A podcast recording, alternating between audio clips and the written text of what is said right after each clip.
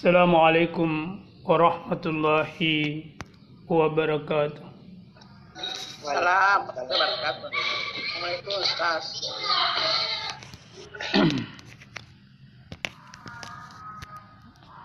الحمد لله الحمد لله رب العالمين الصلاة والسلام على رسول الكريم سيدنا ومولانا وحبيبنا محمد وعلى آله At-Tayyibin At-Tahirin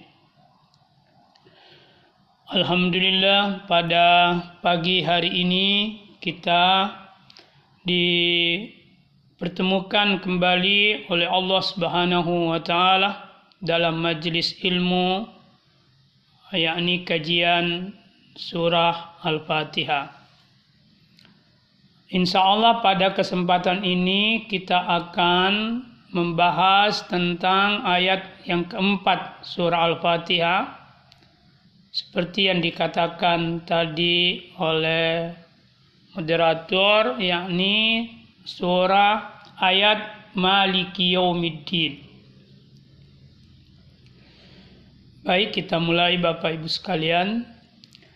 Uh, seperti yang sudah kita jelaskan tiga ayat sebelumnya, uh, kita senantiasa dapat memahami di dalam surah Al-Fatihah itu prinsip-prinsip kehidupan yang kita bisa jadikan sebagai uh, landasan kehidupan kita, sebagai uh, tiang kokoh kehidupan kita sehingga kita bisa menjalani hidup dengan baik, benar, dan berberkah. Insya Allah pada ayat yang keempat ini kita akan mencoba untuk memahami hikmah atau dari ayat keempat surah Al-Fatihah. Hikmah kehidupan apa yang mesti kita pahami dari kandungan ayat Maliki Yaumiddin. Seperti kita sering dengarkan ayat ini diterjemahkan dengan makna pemilik hari akhirat atau biasa juga diterjemahkan dengan pemilik hari pembalasan, pemilik atau raja hari perhitungan. Biasa juga disebut atau diterjemahkan dengan pemilik atau raja hari tegaknya agama. di dalam ayat ini ada dua hal yang kita harus jelaskan Pertama, kata Malik itu sendiri. Yang kedua, kata atau frase Yaumuddin, Yaumiddin. Ini dua pembahasan utama yang kita akan uraikan pada pagi hari ini untuk kita bisa memahami hikmah kehidupan yang kita harus eh, jalankan dalam kehidupan kita berdasarkan ayat ini. Baik, kita mulai dari kata Malik. Kata Malik itu salah satu asma Allah Subhanahu wa taala. Salah satu nama yang yang indah yang dimiliki oleh Allah Subhanahu wa taala. Bacaan kata Malik itu ada dua. Pertama, kata Malik bisa dibaca dengan bacaan yang panjang, yakni Malik. Kalau dia dibaca dengan bacaan panjang, maka dia berarti pemilik. Kalau dia dibaca dengan bacaan pendek, maka dia yakni Malik, maka dia berarti raja. Imam Syafi'i atau Asy-Syafi'iyah mengatakan uh, orang yang salat kalau dia baca Fatihah di rakaat pertama dia hendaknya membaca dengan bacaan Malik yang berarti pemilik. Kemudian di rakaat kedua hendaknya dia membaca dengan dengan memendekkan huruf mimnya yakni Malik yang berarti raja. Pendapat atau pandangan Imam Syafi'i atau Syafi'iyah ini sangat menarik. Karena memang Allah itu selain dia menjadi pemilik mutlak, dia juga menjadi raja yang mutlak. Raja di raja. Berbeda dengan makhluk atau manusia, dia bisa memiliki tapi belum tentu dia menjadi raja. Atau dia bisa menjadi raja terhadap sesuatu tapi belum tentu dia menjadi pemilik atas sesuatu yang dia kuasai. Karena itu Malik dalam pengertian pemilik dan Malik dalam pengertian raja itu hanya bisa disandarkan kepada Allah Subhanahu wa taala. Karena itu kita berkata eh, Allah itu adalah Al-Malik dan sekaligus Malik. Al-Malik dan sekaligus Malik. Nah. Manusia menurut saya hendaknya dia mengenali Allah sebagai pemilik dan dia juga seyogyanya mengenali Allah sebagai raja yang bersifat mutlak. Hamba yang mengenali Allah sebagai pemilik dan sekaligus raja yang bersifat mutlak, maka secara uh, timbal balik dia akan mengenali dirinya sebagai yang dimiliki dan dikuasai. Orang yang mengenali Allah sebagai Al-Malik dan Malik itu tidak akan pernah merasa dia memiliki atau berkuasa terhadap sesuatu meskipun terhadap dirinya sendiri. Apalagi terhadap orang lain atau sesuatu yang berada di luar dirinya. Mengapa manusia tidak mampu untuk menguasai dirinya sendiri atau apa yang ada di dalam dirinya sendiri, apalagi apa yang ada di luar dirinya, karena manusia itu adalah makhluk yang lemah. Apa bukti kelemahan manusia? Kelemahan manusia itu karena dia masih memiliki kebutuhan sesuatu dikatakan kuat atau sesuatu dikatakan menguasai dan sesuatu itu dikatakan merajai ketika dia tidak lagi uh, memiliki kebutuhan dan itu hanya bisa dilekatkan kepada Allah. Jadi selama manusia itu memiliki kebutuhan, maka dia tidak akan pernah berkuasa secara mutlak. Lalu mungkin ada yang bertanya, bukankah manusia itu merasa memiliki sesuatu? Misalnya, dia merasa memiliki eh, rumahnya, dia bisa merasa memiliki hartanya, atau dia merasa memiliki eh, kekayaannya ataupun apa saja yang uh, dia kuasai. Tapi sebenarnya kepemilikan manusia itu bukan kepemilikan yang mutlak, tapi dia kepemilikan yang majazi.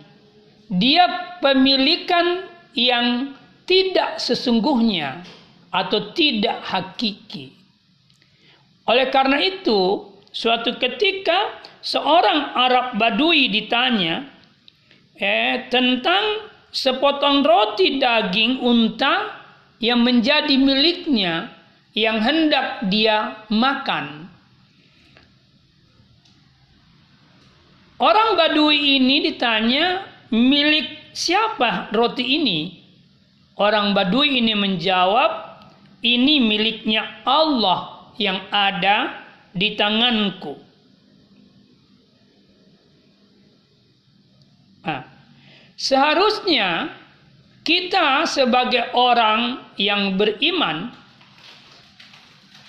memiliki jawaban yang sama atau mencontohi orang Badui ini yang sudah merasakan dan menyadari bahwa apa pun yang ada pada dirinya dan apa pun yang ada di sekitarnya yang orang lain menyangka itu miliknya, dia selalu mengatakan ini miliknya Allah yang dia titipkan kepadaku.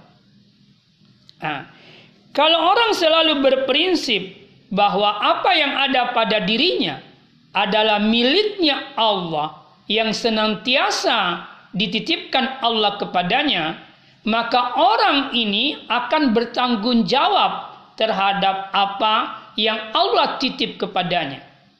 Apa bentuk tanggung jawabnya?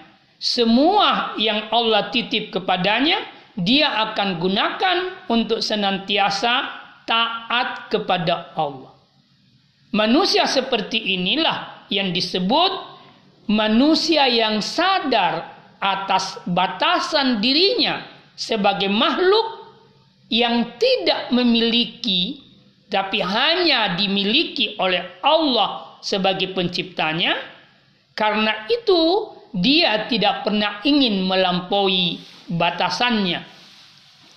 Orang seperti ini akan senantiasa dirahmati oleh Allah Subhanahu wa taala. Begitulah sebenarnya orang kalau beriman kepada Allah Subhanahu wa taala.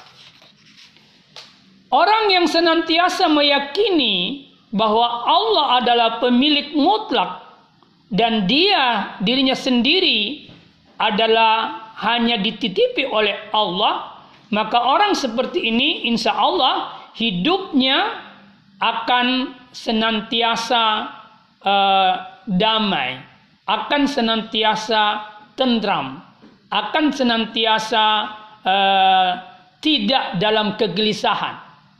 Sebaliknya, Orang yang selalu merasa bahwa apa yang ada di sekitarnya atau apa yang ada di dalam genggaman kekuasaannya adalah miliknya, maka orang seperti ini akan senantiasa hidup dalam kesedihan. Saya ingin berkata, semakin banyak hal yang kita anggap sebagai milik kita, lalu kemudian kita mencintainya, maka pada saat yang sama kesedihan, kegalauan, kesakit hatian itu berbanding lurus dengan banyaknya yang kita cintai dan banyaknya yang kita merasa memilikinya. Misalnya saya kasih contoh, kalau kita mencintai barang kita atau kita mencintai mobil kita dan sebagainya, dan bahkan kita membanggakannya, maka barang itu tidak akan pernah abadi dengan kita, karena kita pun tidak abadi, maka dia akan hilang dari kita.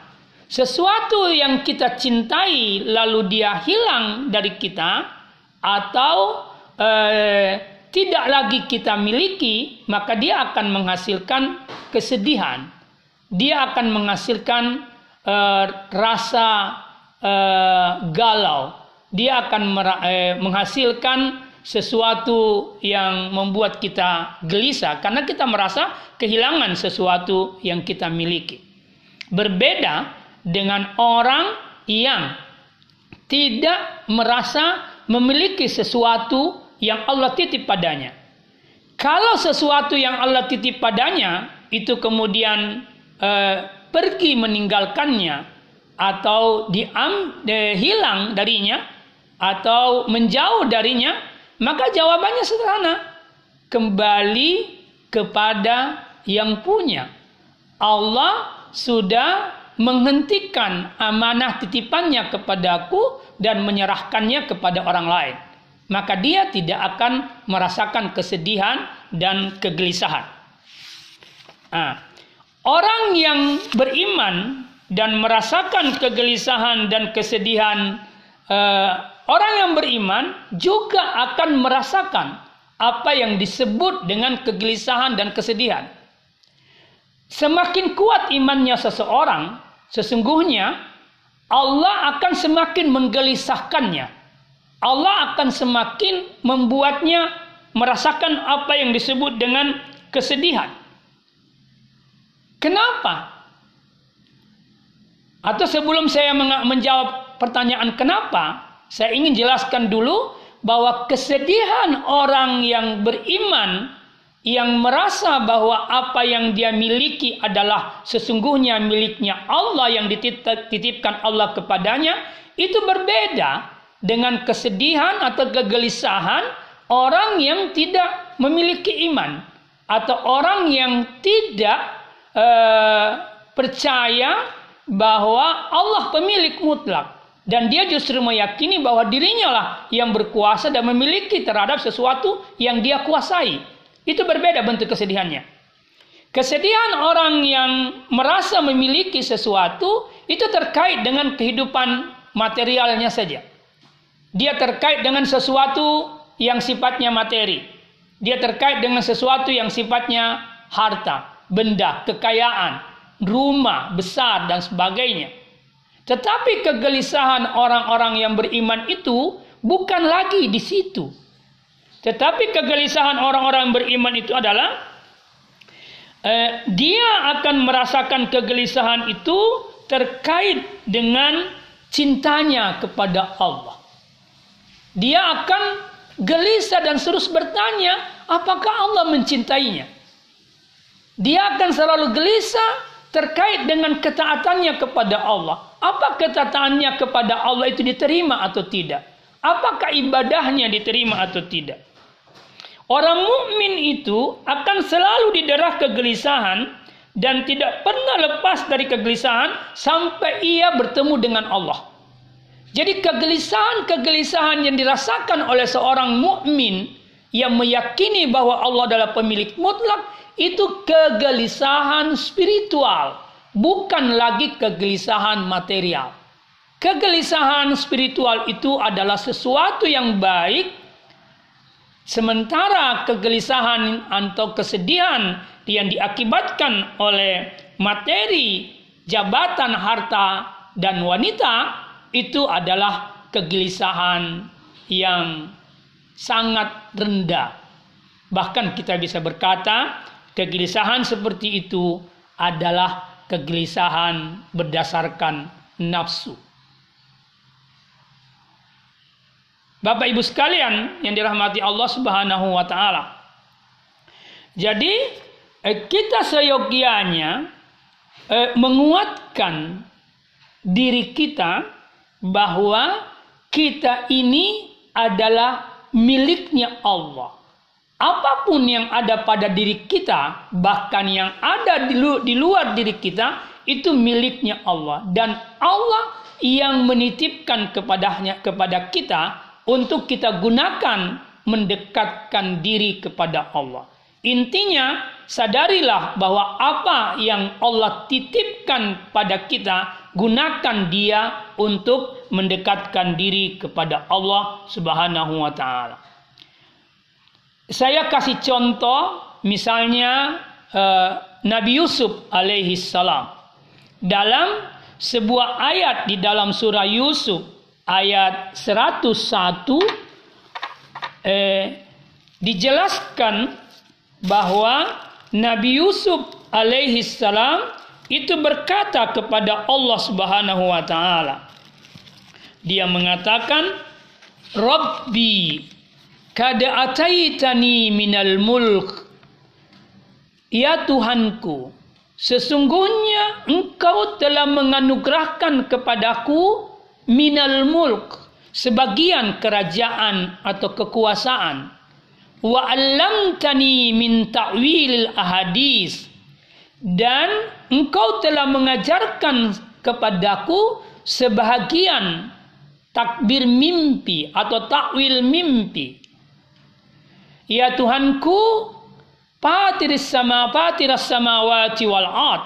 Engkaulah pencipta langit dan bumi lalu dia berkata anta wali fid wal akhirah engkaulah waliku, pelindungku di dunia dan di akhirat.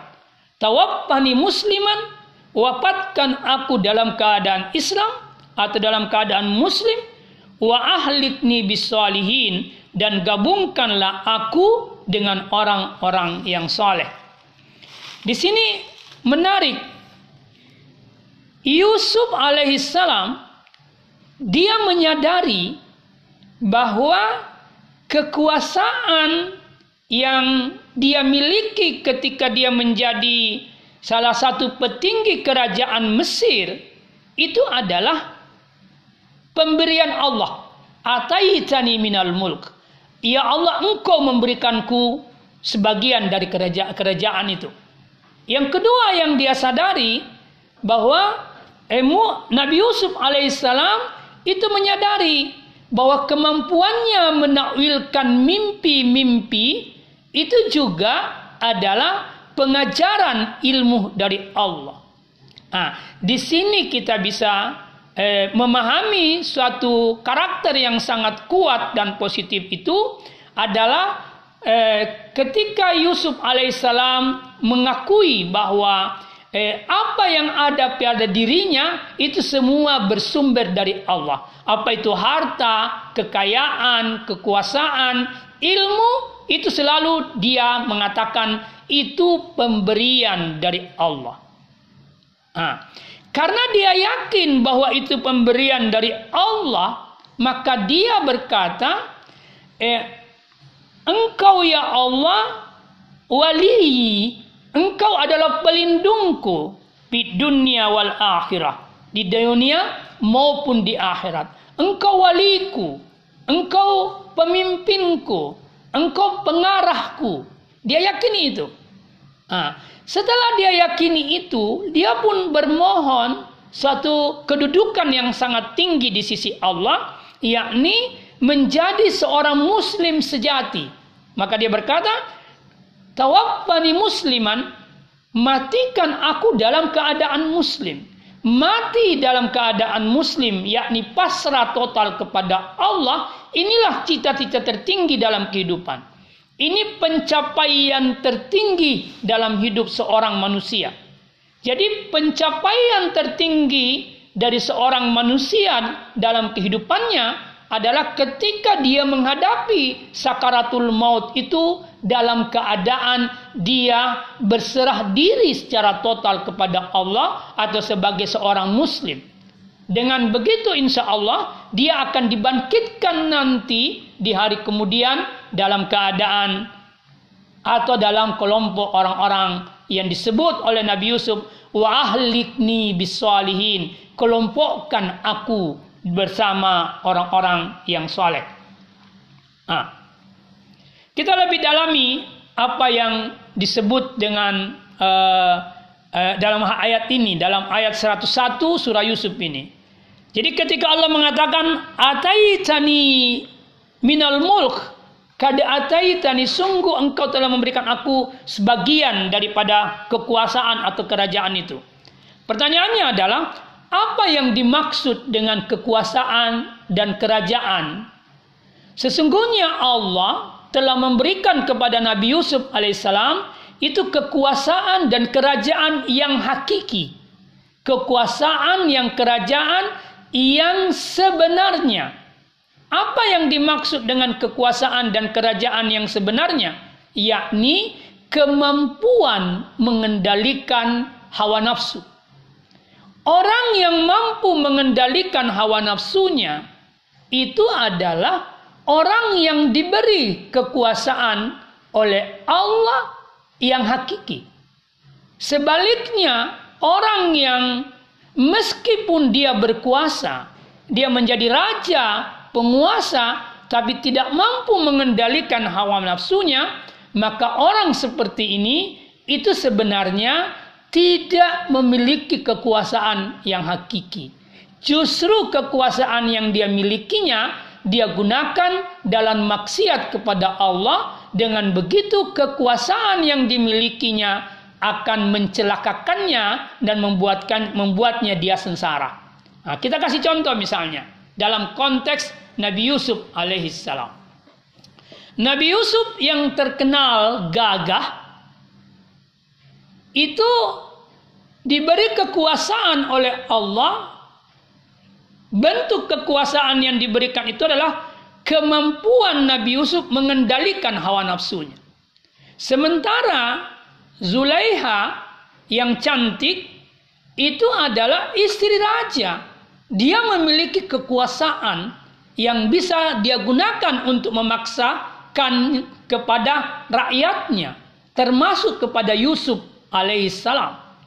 Suleha yang cantik ini dia raja atau dengan kata lain dia istri raja tapi pada saat yang sama dia adalah budak hawa nafsunya. Dia adalah budak hawa nafsunya. Nah, Sulaiha yang sudah menjadi budak hawa nafsu itu kemudian berusaha untuk menjebak Yusuf untuk melakukan sesuatu yang dilarang oleh Allah Subhanahu wa taala. Sesuatu yang terlarang oleh Allah Subhanahu wa taala. Tapi Nabi Yusuf alaihissalam yang uh, digoda oleh kecanter uh, digoda oleh uh, Sulaiha dan bahkan dipaksa oleh Sulaiha, itu dia berkata kepada Sulaiha, eh, "Maaf, saya takut kepada Allah Subhanahu wa taala." Saya takut kepada Allah Subhanahu wa taala. Maka dia menolaknya. Sampai-sampai penolakan itu mengakibatkan Yusuf terpenjara. Dia rela dan menerimanya. Inilah orang yang sebenarnya diberikan Allah kekuasaan yang hakiki kepadanya karena kemampuannya untuk mengendalikan hawa nafsunya. Uh, contoh yang lain adalah ada seorang amir ber, berdialog dengan seorang eh, orang soleh. Jadi ada seorang pemimpin yang berdialog dengan seorang eh, soleh. Sang pemimpin itu berkata dan memanggil orang yang soleh. Dia katakan, ceritakan kepadaku masalah yang kau hadapi. Lalu orang saleh itu berkata, apa anda memanggil saya Tuhan? Lalu sang pemimpin itu berkata, iya saya memanggilmu.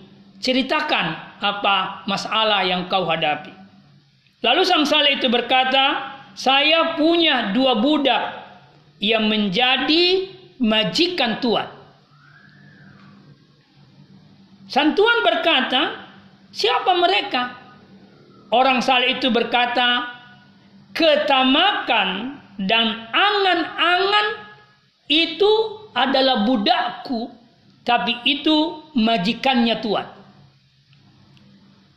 Tamak terhadap dunia dan angan-angan panjang semuanya itu sudah saya mampu kendalikan Tuhan. Saya mampu memperbudaknya dan saya merajainya.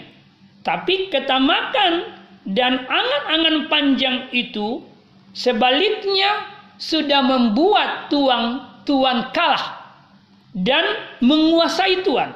Maka tuan menjadi budak dari keduanya. Ah, manusia akan menjadi raja atau penguasa hakiki ketika hawa nafsunya bisa dia kendalikan.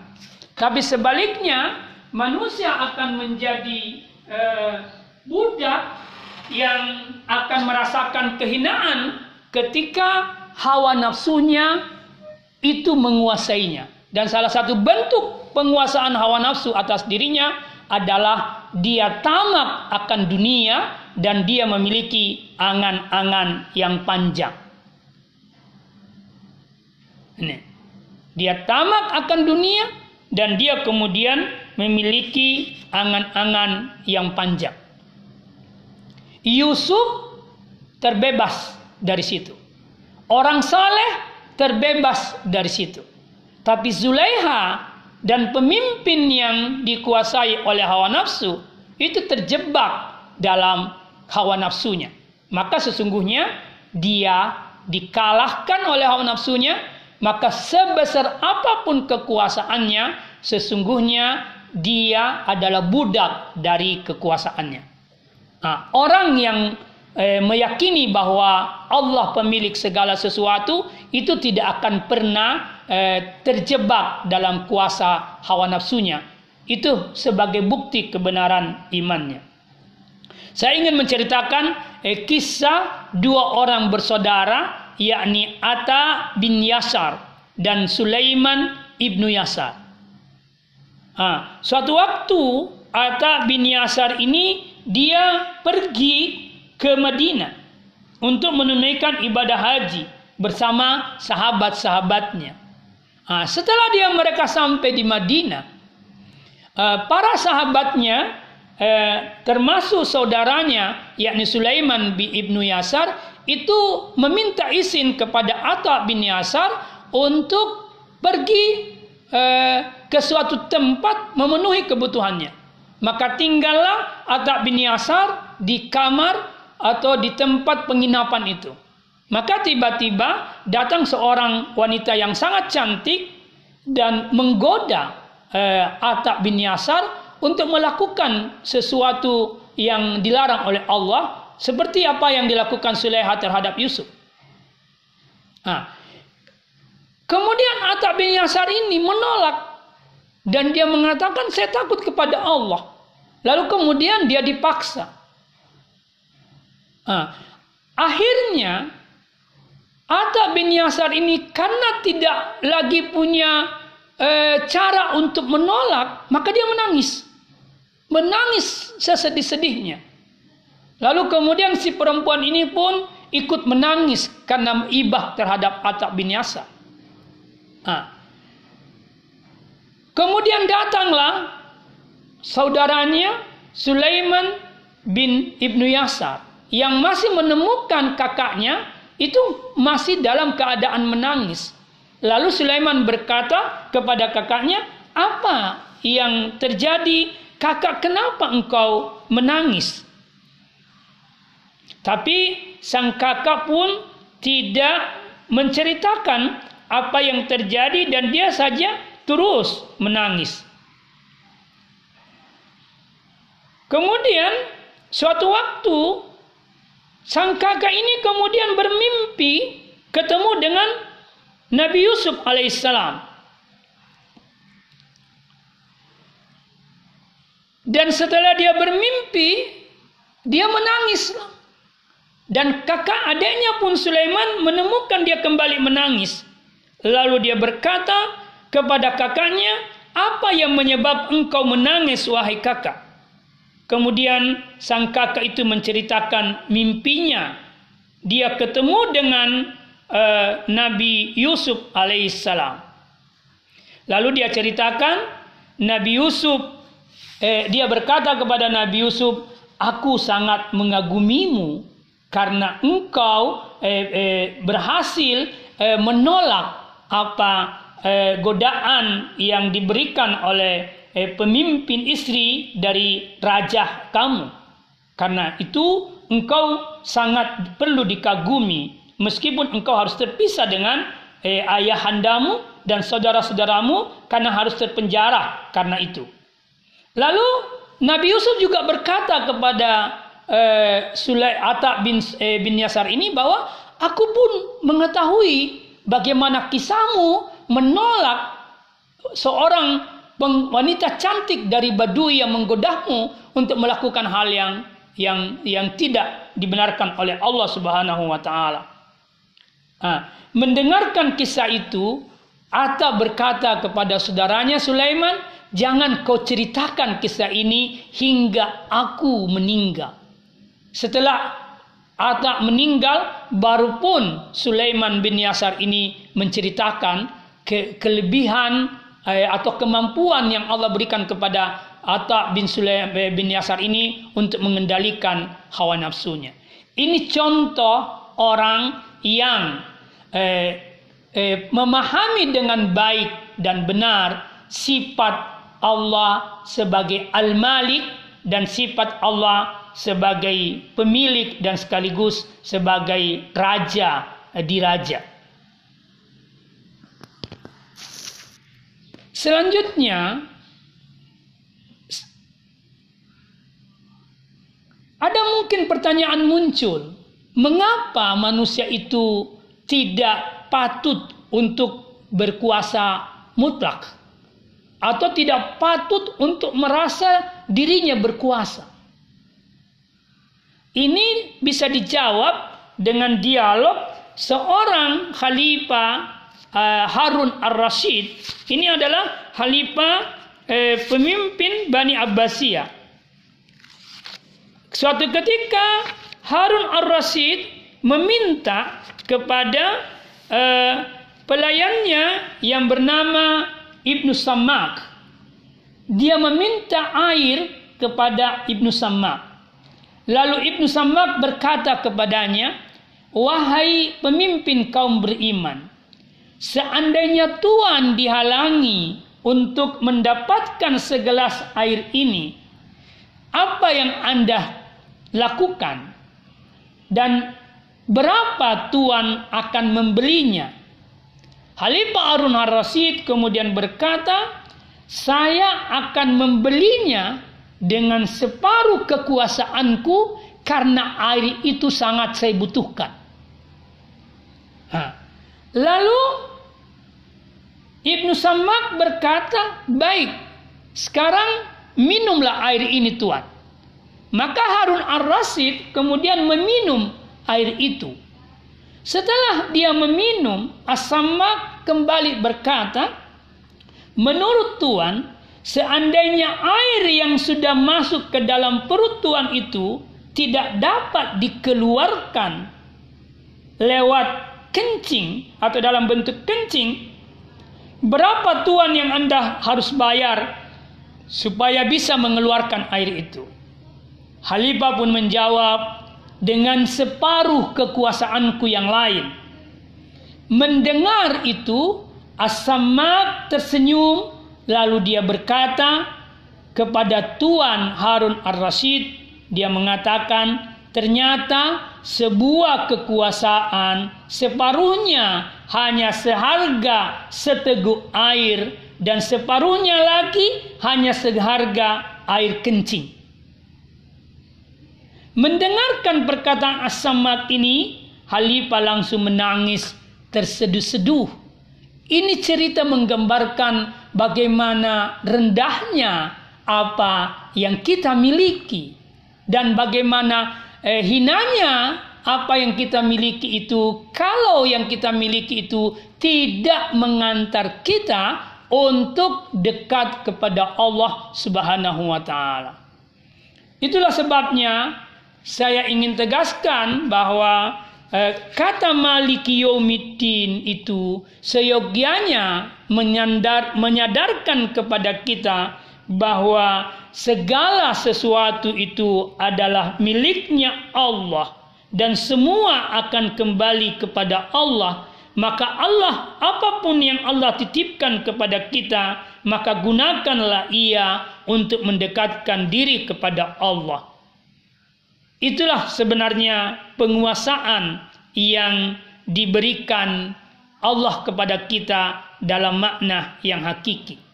Jangan pernah menggunakan eh, kekuasaan atau kepemilikan yang Allah berikan kepada kita untuk bermaksiat kepada Allah Subhanahu wa taala.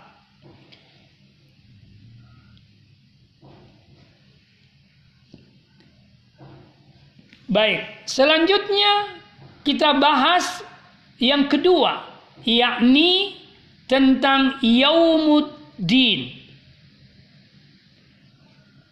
Kata yaumuddin itu berarti hari tegaknya agama atau hari akhirat atau hari pembalasan atau hari kiamat atau bahkan kita bisa juga berkata hari perhitungan atau apa pun namanya yang kita kenal yang berbicara tentang hari akhirat. Bapak Ibu sekalian, seyogyanya kata atau prase yaumuddin ini itu membuat atau menghadirkan kesadaran pada diri kita. Yang pertama adalah bahwa orang yang beriman itu seyogianya selalu mengingat, selalu menghadirkan bahwa ada yang disebut dengan hari pembalasan. Ada yang disebut dengan hari perhitungan amal. Dengan mengingat tentang hari pembalasan dan hari perhitungan amal ini, maka insya Allah Orang yang beriman itu akan senantiasa berhati-hati di dalam berbuat atau di dalam berkata dalam kehidupannya. Kenapa?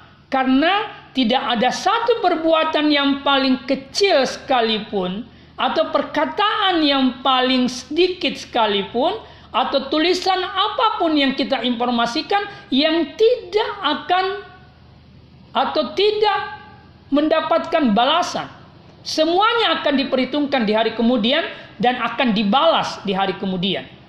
Nah, karena itu orang yang beriman kepada hari akhirat dan meyakini datangnya apa yang disebut dengan hari pembalasan itu akan senantiasa terdorong untuk berhati-hati dalam bersikap, berhati-hati dalam berbuat dan berhati-hati dalam berkata.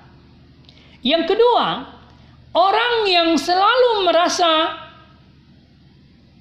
dan meyakini kehadiran hari akhirat sebagai hari pembalasan, maka dia akan mengorientasikan hidupnya di dunia untuk akhiratnya, bukan untuk dunianya. Berbeda dengan orang yang tidak beriman kepada hari akhirat, itu akan selalu meyakini bahwa hidup ini di dunia untuk kehidupan dunia, bukan untuk kehidupan akhirat. Itu digambarkan di dalam sebuah ayat uh, di, dikatakan ya di dalam sebuah ayat itu dijelaskan bahwa uh, ada orang yang uh, ketika dia meyakini uh, atau dia berusaha eh, beramal inna sa'yakum lasyatta kata Al-Qur'an. Sesungguhnya usaha kalian itu eh, berbeda-beda atau beraneka ragam. Lalu Quran mengatakan fa'ammal ladina ada fa'amma adapun orang yang memberi a'ta wattaqa lalu kemudian dia memberi itu dari hasil usahanya berdasarkan takwanya kepada Allah uh, karena dia yakin wasaddaka bil husna karena dia yakin akan pembalasan hari akhirat pasanu yassiruhu lil yusra. Maka orang seperti ini akan dimudahkan segala urusannya. Dimudahkan menuju kepada kemudahan. Jadi dia sudah mudah dan dia juga mudah segala menuju kemudahan tapi ke, urusannya juga semua dalam kemudahan. Berbeda dengan orang yang berusaha lalu hasil usahanya itu bahilah. Dia kikir, dia ingin hanya memiliki sendiri. Wastagna. Dia merasa cukup dengan dirinya sendiri. Wakadzdzaba bil husna. Kenapa dia kikir dan merasa cukup dengan dirinya sendiri? Karena dia mendustakan hari pembalasan. Orang seperti ini akibatnya adalah fasanuyassiruhu lil. Kata Tuhan, orang seperti ini akan dimudahkan merasakan kesulitan-kesulitan. Nah, dari ayat ini kita bisa berkata orang yang orientasinya akhirat dalam hidupnya, insya Allah seluruh urusan dunianya akan mudah dan juga urusan akhiratnya akan mudah.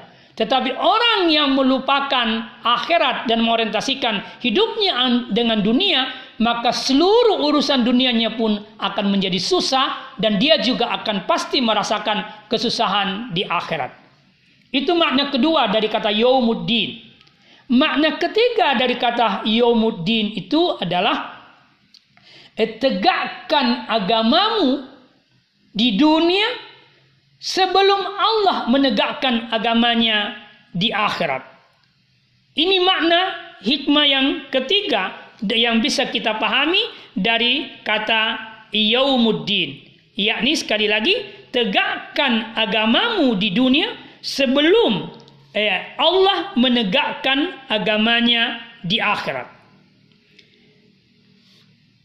Di dalam ayat Al-Quran, di dalam surah Ar-Rum itu Allah berfirman dia katakan Ba'akim wajhaka lid-dinil qayyim.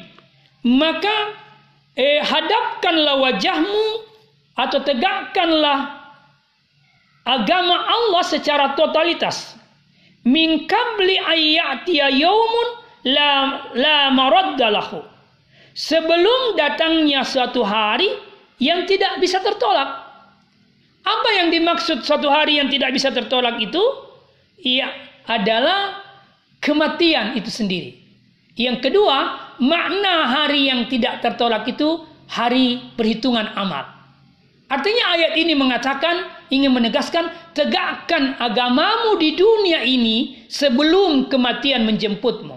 Maka insya Allah ketika Allah menegakkan agamanya di akhirat, maka engkau akan menjadi raja di akhirat. Raja di akhirat itu adalah hamba yang dimuliakan oleh Allah di akhirat karena ia menegakkan agamanya atau agama Allah di dunia. Sebaliknya, orang yang mematikan agama Allah atau meruntuhkan agama Allah di dunia, dia hidup tanpa agama, maka dia akan sangat terhina di akhirat kelak. Karena itu hikmah yang lain yang kita ingin tegaskan berdasarkan kata Yomuddin itu adalah jadikan dirimu raja atas nafsumu di dunia maka engkau akan dijadikan oleh Allah raja di akhirat. Jangan pernah jadikan dirimu budak nafsumu di dunia karena engkau pasti terhina di akhirat. Saya kira itu yang kita bisa jelaskan dari kalimat dari ayat Maliki Yaumiddin. Kesimpulannya adalah eh, kita mesti merasakan eh, atau eh, menghadirkan bekasan-bekasan makna dari ayat Maliki Yaumiddin ini dalam kehidupan kita. Bekasan yang saya maksud adalah eh, yakinkan diri kita bahwa apa pun yang kita miliki adalah miliknya Allah dan semua akan dikembalikan oleh Allah. Manusia yang bertanggung jawab atau manusia yang beriman adalah manusia yang senantiasa menggunakan apa yang Allah titipkan untuknya untuk mendekatkan diri kepada Allah. Dengan begitu, dia akan menjadi raja di dunia yang diredai oleh Allah dan sekaligus dia akan dijadikan Allah raja di akhirat. Sebaliknya, orang yang tidak merasakan atau tidak menghadirkan keyakinan bahwa apa yang dia miliki adalah miliknya Allah dan kembali kepada Allah. Sebaliknya dia meyakini bahwa itu miliknya, maka dia akan selalu menggunakan apa yang ada pada dirinya dan apa yang ada eh, yang dia kuasai dalam maksiat kepada Allah Subhanahu wa taala. Orang seperti ini akan menjadi budak nafsunya di dunia dan orang seperti ini akan sengsara abadi di akhirat. Yang kedua, Orientasikan hidup ini untuk akhirat. bukan untuk dunia. Karena memang kita dicipta bukan untuk dunia, kita dicipta untuk akhirat. Kesempurnaan hidup yang menjadi cita-cita manusia dan seluruh manusia yang menjadi fitrah manusia itu hanya bisa didapatkan di akhirat, bukan di dunia. Itulah sebabnya kita butuh akhirat. Kita sangat membutuhkan akhirat. Akhirat itu adalah kebutuhan primer rohani kita, kebutuhan alami kita. Maka gunakanlah apa saja yang ada di dunia ini untuk akhirat. Saya kira itu. Terima kasih. Billahi taufiq wal hidayah. Assalamualaikum warahmatullahi wabarakatuh. Assalamualaikum warahmatullahi wabarakatuh.